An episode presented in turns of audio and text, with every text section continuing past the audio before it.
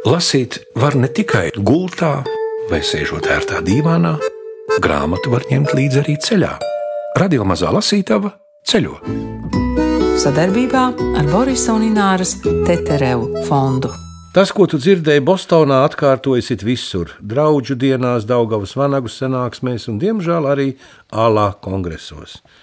Vecie gari, kaut tiem vēl ir kauli un āda, dzīvo tādā latviskā pasaulē, kādu viņi to iztēlojuši. Tā vairs nav tā zeme, no kuras viņi aizbrauc, jo 50 gados viss negatīvais piemirsts, nesmukais izņemts no bildes. Tur jau nav tā, kā bija, tā vairs nav mūsu Latviju. Un viņi ir apmierināti ar to, ko vēlējušies savā atmiņā saglabāt, nekas cits nav vajadzīgs. Tiem, kas grib reāli būt atpakaļ savā zemē, daudzreiz ir grūti izšķirties un viņus iespaido tālās Latvijas sapņu sindroms. Mēs turpinām stāstus par grāmatu glābšanu Sprinkšļu dzirnavās, šoreiz par vēstuļu glābšanu. Tā ar Māras Celles un laika grāmatas gādību klajā nākušas Ojāra Celles atklātas vēstules starp Ameriku un Latviju. Pirms uzklausām Ligitas Koptunas stāstu par grāmatas tapšanu, vēl neliela ekskursija pa springšu dzirnavām, kas kādreiz bijusi tupeļa fabrika, bet tagad pieder Viviānai un Jānim Zipiem. Pa dzirnavām mūs izvadā Viviāna Zipa. Bet, kā jau es minēju, šeit ir visa Latvijas vēsture. Pats sākums eh, tas gluži nav, bet bagātākais periods ir pirmskara periods. Šeit saimnieko vecie zālīši. Vecais zālīts ir turīgs vīrs, viņam īpašumi arī ir Rīgā, un viņš ir dzirnavs saimnieks. Bet tā kā viņš tā braucēja kapteinis, šeit saimnieko viņa sieva Katrīna. Visi dokumenti tiek parakstīti ar Katrīnas roku. Zirnavs strādā kā dzirnavs, strādā 15 darbinieki. Zirnavs darbina līgatnes upe. Priekšā tā bedra, Un aizmugurē bedra, tā nav vienkārši bedra. Tie ir vecie dzirnavu kanāli, tas ir vecais līgatnes upes ceļš caur dzirnavām, kad dzirnavs strādāja kā dzirnavs. Upe nekur nav pazudusi, viņa ir tepat. To visu regulē vecais dambis, kas šobrīd mums ir apskates objekts ūdenskritums. Viņš, protams, nav liels, trīs metri, bet mums ir savs ūdenskritums, ko apskata turisti. Nākošais posms sākās karš. Vecie zālīši emigrē, bet eh, zālīšu meitas ģimene, meita ar vīru un eh, mazo puisīti Andri, kara laikā dzīvo šeit. Ja man jautājums vienmēr no viesiem, kas notika kara laikā, vai dzīvnavas nopūstīja? Dzīvnavas kara laikā nenopūstīja. 44. gadā aizbrauc vecie īpašnieki Šī ir bilde, kuru man atsūtīja vecie īpašnieki, kas šobrīd ir Austrālijā. Dzīve veseli, jo mazais Andris, kam bija 44, 5 gadi, šobrīd ir zinātnieks Austrālijā. Jau kungs gados viņi bija atbraukuši. Ļoti interesants bija šis stāsts, kā viņi atbrauca, kad jau dzinovs bija rekonstruēts un mēs strādājām. Un pēc tam atsūtīja bildi. 44. gadā aizbrauc pēdējie īpašnieki, vecie īpašnieki. Mainās sistēma, ir nāk padomu gadi. No 58. gada līdz 89. šeit ir rūpnīca, fabrikas komēta, filiāle. Un eh, vienmēr komēta asociējās ar sērkociņiem. Ko tu ražoji? Ražoja patiesībā ļoti interesantas lietas. Tupeļliestas. Un vecie līgatnieši, eh, tās ir tupeļliestas nevis kā uh, holandē tupeles, bet tikai liestas priekš fermu strādniekiem, priekš doktoriem. Un eh, man no mūsu koku amatniecības muzeja saimnieki uzdāvināja vienu šādu te paraugu. Vecu, es viņu parādīšu jums bibliotekā, un viņi teica, tas noteikti ir no tavas fabrikas. Tad ir nevis apaulies, bet tupeļu lietas. Tupeļu, jā. Un vecie līgatnieši joprojām šo vietu sauc par tupeļu fabriku. Un mani sauc par tupeļu fabrikas eh, īpašnieci, saimnieci. Es par to esmu patiesībā ļoti priecīga, jo tupeļu fabrikas Latvijā varētu ļoti daudziem nepiederēt, bet, bet man viņa ir. Nu, tas ir mūsu ģimenē, protams. Viens nav karotājs, visi pieder mūsu ģimenei. Nu, lūk, mēs esam nonākuši līdz 89. gadam, ražotnes slēdz. Strādnieki dzīvo šajā pusē, visi ir aizbraukuši, un sākās postošākais laiks šim skaistajam eh, īpašumam Zirnavu. Kurā gadā? 89. Mainās sistēma, slēdz ražotne, aizbrauc strādnieki un zinās tiek pamestas. Viss, kas varēja būt izrakstīts, tika izrakstīts, jums tika nodedzināts un viss tika izlaupīts, ieskaitot to ratu. Un visas iekārtas patiesībā ir eh, izlaupīts. Pat neaizvests vai pārdots. Patiesībā 15 gadus īpašums ir pamests. Nevienam neko nevajag. Viss ir prom, eh, dzirnavs iet nebūtībā un kļūst kā bezsaimnieka manta Latvijas valsts īpašumā. Bet uh, eh, 60 gadus pēc kara un 15 gadus kā pamestu īpašumu mūsu ģimene, mēs ar saimnieku, kur jūs jau iepazinām, ieraudzījām dzimtas šādas. Krūmos aizaugušas drupas bez ceļa. Patiesībā no viena mūra mēs ieraudzījām to vietu, kur mēs gribam būt. Un bija sajūta, un to sajūtu nekad nevar nopirkt, nevar notēlot, ka šī vieta mūs gaidīja. Neslēpšu, mēs pa Latviju meklējām ārpilsētas īpašumu diezgan ilgi. Bet mums bija uzstādījums. Mums jābūt prom no visiem, mums bija jābūt dabai, bija jābūt ēkai ar savu šarmu, stāstu un auru. Un patiesībā mēs ieraudzījām, atbrīvot pāri upei, mēs ieraudzījām šīs drupas un sapratām, ka šī ir mūsu vieta. To nevar izstāstīt. Sākās rekonstrukcijas darbs. Pēc nelielas ekskursijas pa dzirnavām atgriežamies Springšu dzirnavu izglābto grāmatu bibliotekā. Gundars Āboliņš jau lasījis mazliet no virzas straumēniem un zentas mauriņas.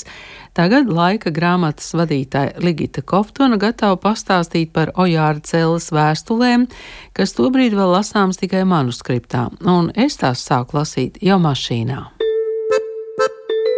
Lasīt var ne tikai gultā, vai sēžot ērtā dīvānā, grāmatu var ņemt līdzi arī ceļā. Radio mazā lasītava ceļo.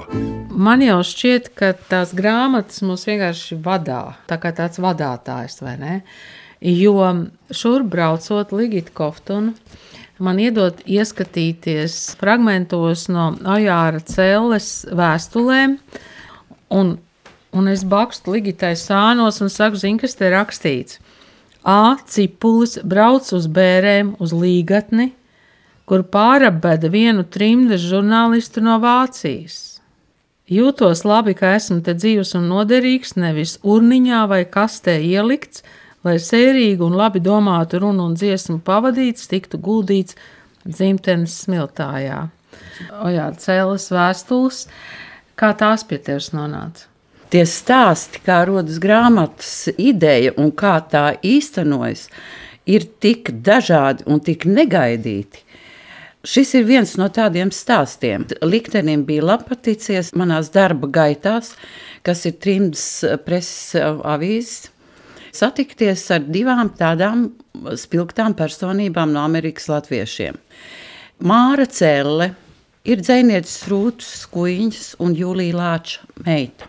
Un acīm redzami viņai ir pārmantots literārais talants un tāds dzīskas dvēseles un, un, un rakstītājs tāds nervs. Savukārt eh, viņas vīrs Ojārs Celle, Amerikas latviešos ļoti liela autoritāte, nebūdams profesionāls žurnālists, viņš bija ārkārtīgi zinīgs vēstures, politikas lietās un arī veikls rakstītājs.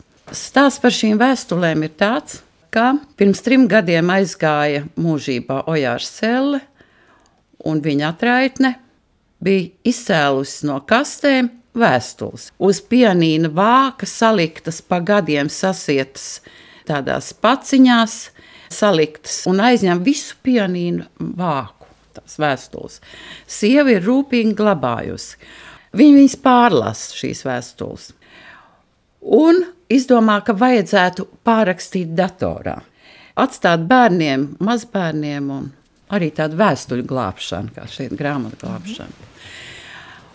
Un rakstot tās vēstules, um, viņa saprot, ka tur ir kaut kas vairāk kā viņas savstarpējā sarakste. Tur ir īstenībā Latvijas atmodas laika vēsture. Dzīva vēsture, pilnīgi tīra. Jo kā mēs zinām, ka ja rakstīsim, Gunār, es vai tu, ja mēs rakstīsim savus memoārus, ja, kaut kas mums būs padzis no atmiņas. Un kaut kam tiks pieaudzēts detaļas, lai mūsu lasītājiem būtu interesantāk, vai ne? Bet vēstuļu formāts, šis žanrs ir tīradnis, viņš ir tīrs. Ligita, piedod, lūdzu, pasaka, kāpēc vīram vajadzēja rakstīt vēstules sievai? Notikās tā. Kad uh, atzima Latvijas neatkarība, Ojārs sev redzēja vietu tikai un vienīgi Latvijā. Braukt šurp, iesaistīties, darboties. Māra nē. Māra nevarēja ilgi pieņemt šo lēmumu. Un iedomājieties, divi cilvēki pāri pusmūžam, vienīgajā laulībā. Katrs savā okeāna krastā skumst viens pēc otra, atzīstas mīlestībā raksta romantiskas vēstules. bet nesatiekas. Tāpēc, ka Ojāram ir jāpārliecina savu mīļā sievu, lai viņa brauc uz Latviju. Ojārs saka, es tev uzcelšu māju meža parkā. Un viņš uzcēla mārai māju. Ārkārtīgi skaistu, skaistā vidē. Un Māra saka, šī ir tā labākā un skaistākā māja, kāda man dzīvē ir bijusi. Strādājot kopā ar Ojāru, man viņš likās diezgan tāds ciets, stingrs, principiāls vīrs bet ļoti jaudīgs vīrs, ļoti ar asu prātu, asprātīgs, kas bija tas bija. Bet es taču nebiju iedomājusies, ka šajā cilvēkā mīt tāds romantiķis. 1995. gads, 11. aprīlī, Mīļo Mārīt.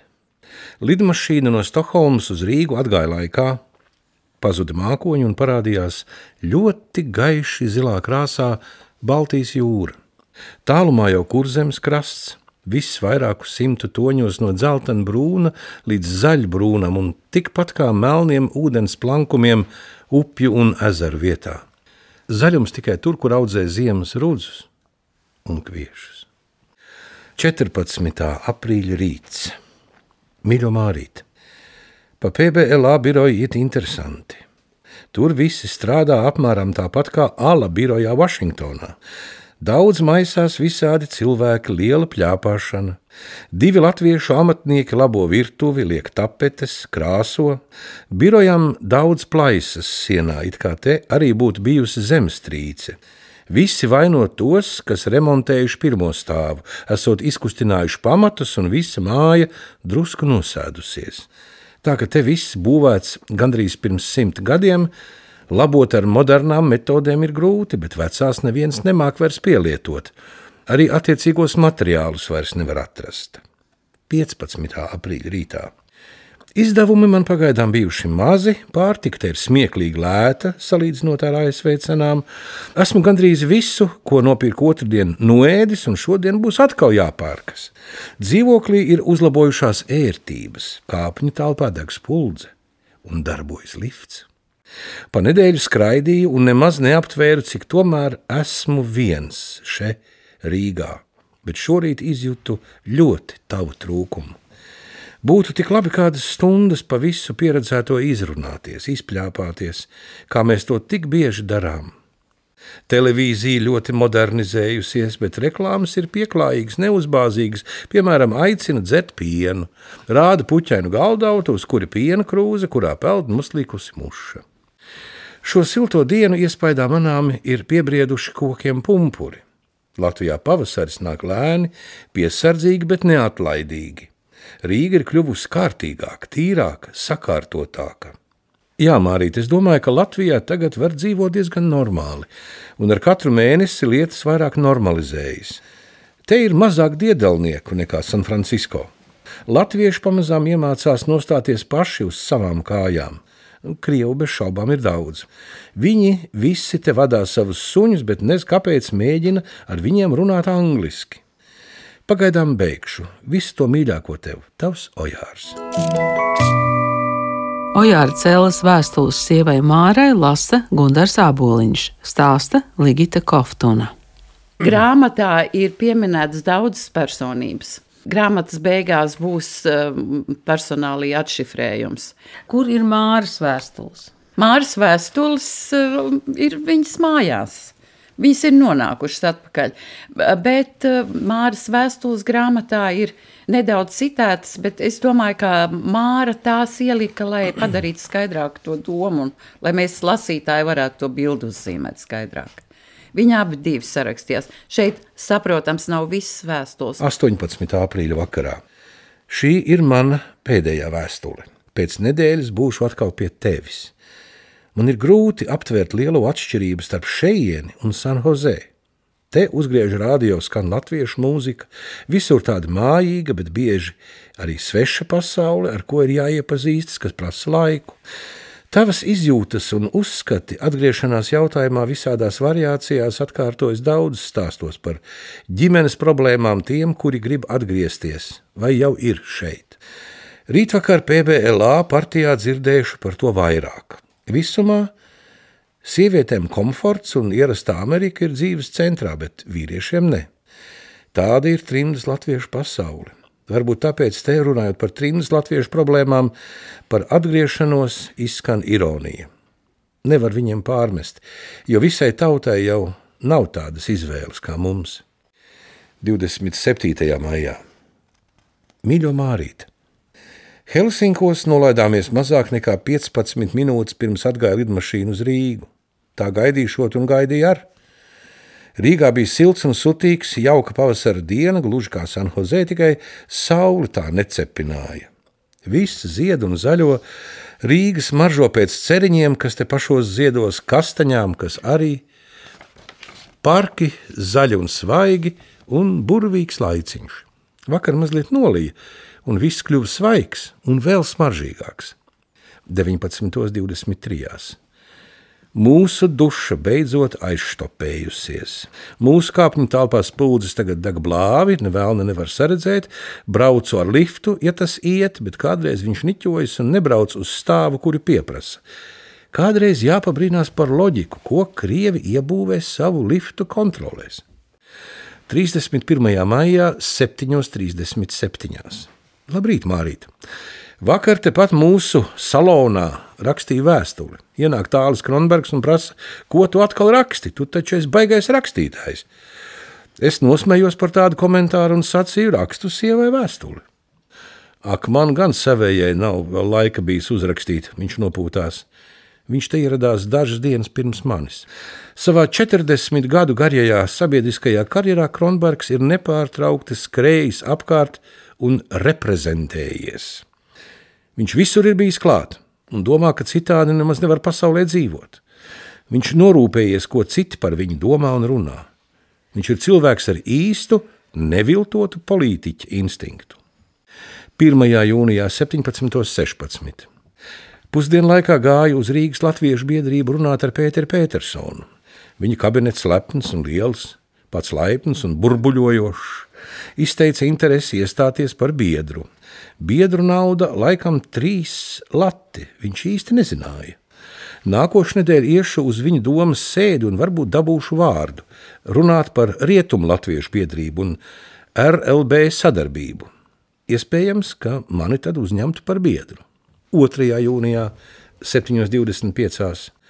aizvakar, ejot uz Vincentu, nesu žaketi pār plecu. Pie pulkveža brieža ielas stūra man piesitās bārdains večuks manāmi burās. Vakar sastapu nodzērušos sievieti, tepat uz Alberta ielas. Kaut ko nesakarīgi vārduļoja puskrieviski, puslatviski. Diemžēl tik daudz to nodzērušo klaidoņu un ubagu ir latvieši. Demoralizēti, paklīduši ļautiņi. Viens tāds tips sēž uz Elizabetes ielas. Viņam savs soliņš, sēž ļoti ērti, vienu savu garo roku ar slaidiem pirkstiem izstieps smalkā žestā, tā ka naudu var sviest tieši saujā. Nu, stils, es teiktu. Vienu dienu eju un skatos, viņš savā graciozajā rokā iespiedis alus pudeli. Viņš pareizēji paceļ pudeli pie lūpām un izskatās laimīgs, apmierināts. 3. jūnijā 14.07. Krievijā gangsteri strādā smalkāk. Gandrīz katru dienu kādu nošauja. Biznesmenis krāpnieks vienmēr piesardzīgs, vispirms izsūta no mājām savu miesas sargu gaisu apostīt, tikai tad nāk pats. Tā kādu dienu pa mājas durvīm iziet vispirms miesas sargs, tad signalizē savam kungam, ka gaiss ir tīrs, jo tuvumā tikai viens pārītis stumj bērnu ratiņus. Tikko kungs tuvojas savam Volvo, pēkšņi kundzīte no bērnu ratiņiem izceļ mašīnu pistoli un trrr, kungs ar sargu krīt kā nopļauti. Kundzīte ar savu vīru ielec tuvējā autiņā un aizbrauc. Kundzīte bija pārģērbusies slepkava, bet vāģīši šautenes transports.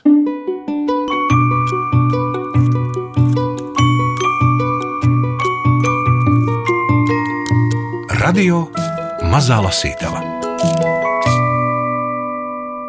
Ligita Māra atbrauc uz Latviju. Taču. Jā, Māra atbrauc uz Latviju. Bet līdz pat um, Ojāra aiziešanai mūžībā viņa paturēja Amerikā mazu mājiņu, vietā, kas sauc Putnciems. Tas ir um, nu, tāds neliels ciematiņš Ņūdžersijā, Eh, kur dzīvo pulka latvieši, jo tur acīm redzot, ir tāda lētāka iztikšana, un putnuciems tāpēc, ka ielas ir nosauktas putnu vārdos. Mīkstais eri. Tā ir saglabāta Ojāra cēlas rakstība? Laikam jā. Bet mēs kopā strādājam trimdas presē, līdz šai, un es līdz šai dienai uh, ievēroju no Enzelīna pareizrakstības uh, mīkstināto ēri un CH. Tāda ir mūsu tautiešu vēlēšanās. Un es pieņemu, es pieņemu, ka kādreiz tīri automātiski ojārs pamīkstināja to ēri, bet citreiz nu, pārskrēja tas. Citreiz nē, ja. Jā. Nu, te ir viens pavisam neliels citāts, bet tur uzreiz jau otrajā vārdā parādās CH. Un, um, šeit um, droši vien arī jums būs daži ļoti pazīstami vārdi. 21. oktobrī, 9.36. Vakar Mūks stāstīja, ka Gunārs Meijerovics dabūjis Zviedrijā nu pat lielu ordeni. Viņš ar Ulmaņa svītu ieradies Stokholmā viesnīcā, Tur atnācis kāds vietējais funkcionārs izstāstīt, kā viss tā lieta notiks. Teicis Meijerovicam, jums šo ordeni saņemot, ir jābūt frakā. Meijerovicam frakas vispār nav. Ko nu? Nevar taču palikt bez ordeņa frakas dēļ. Zviedrs atsūtīs vīru, kas nomērīs Meijerovicu, un pēc pāris stundām fraka klāt ar visiem attribūtiem. Fraka turpinājusi karāties drēbes kapī, un Meijerovics domājis, ka tā nāk līdz ordenim. Bet nekā. Pirms aizbraukšanas tā no skapja atkal pazudusi. Aizmirsuši vienīgi zeķis, kas nu Meijerovicam paliek par piemiņu no pasniegšanas ceremonijas.